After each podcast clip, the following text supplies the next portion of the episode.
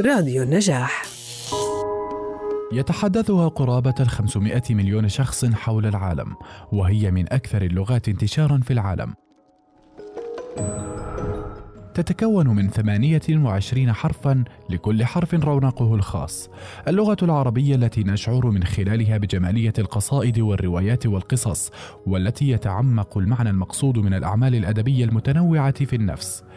بفضل سحر تراكيب صورها الفنية وسحر نظم كلماتها يصادف يومها العالمي من كل عام الثامن عشر من كانون الأول تعد اللغة العربية من أكثر اللغات في العالم من حيث عدد الكلمات وعدد الحروف كما أن حروفها تستخدم في لغات أخرى مثل التركية والفارسية والكردية.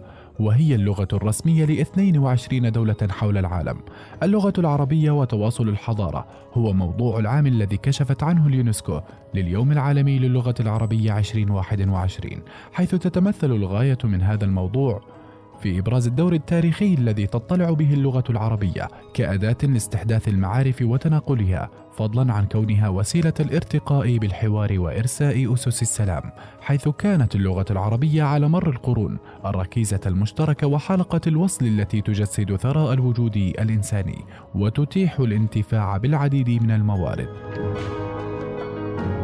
ستبقى اللغة العربية هي لغة الحضارة والمستقبل. سنحافظ عليها ونعلمها لأبنائنا في المستقبل ونزرع الرغبة فيهم لتذوق نصوصها الأدبية ولفهم معاني الإسلام من خلالها.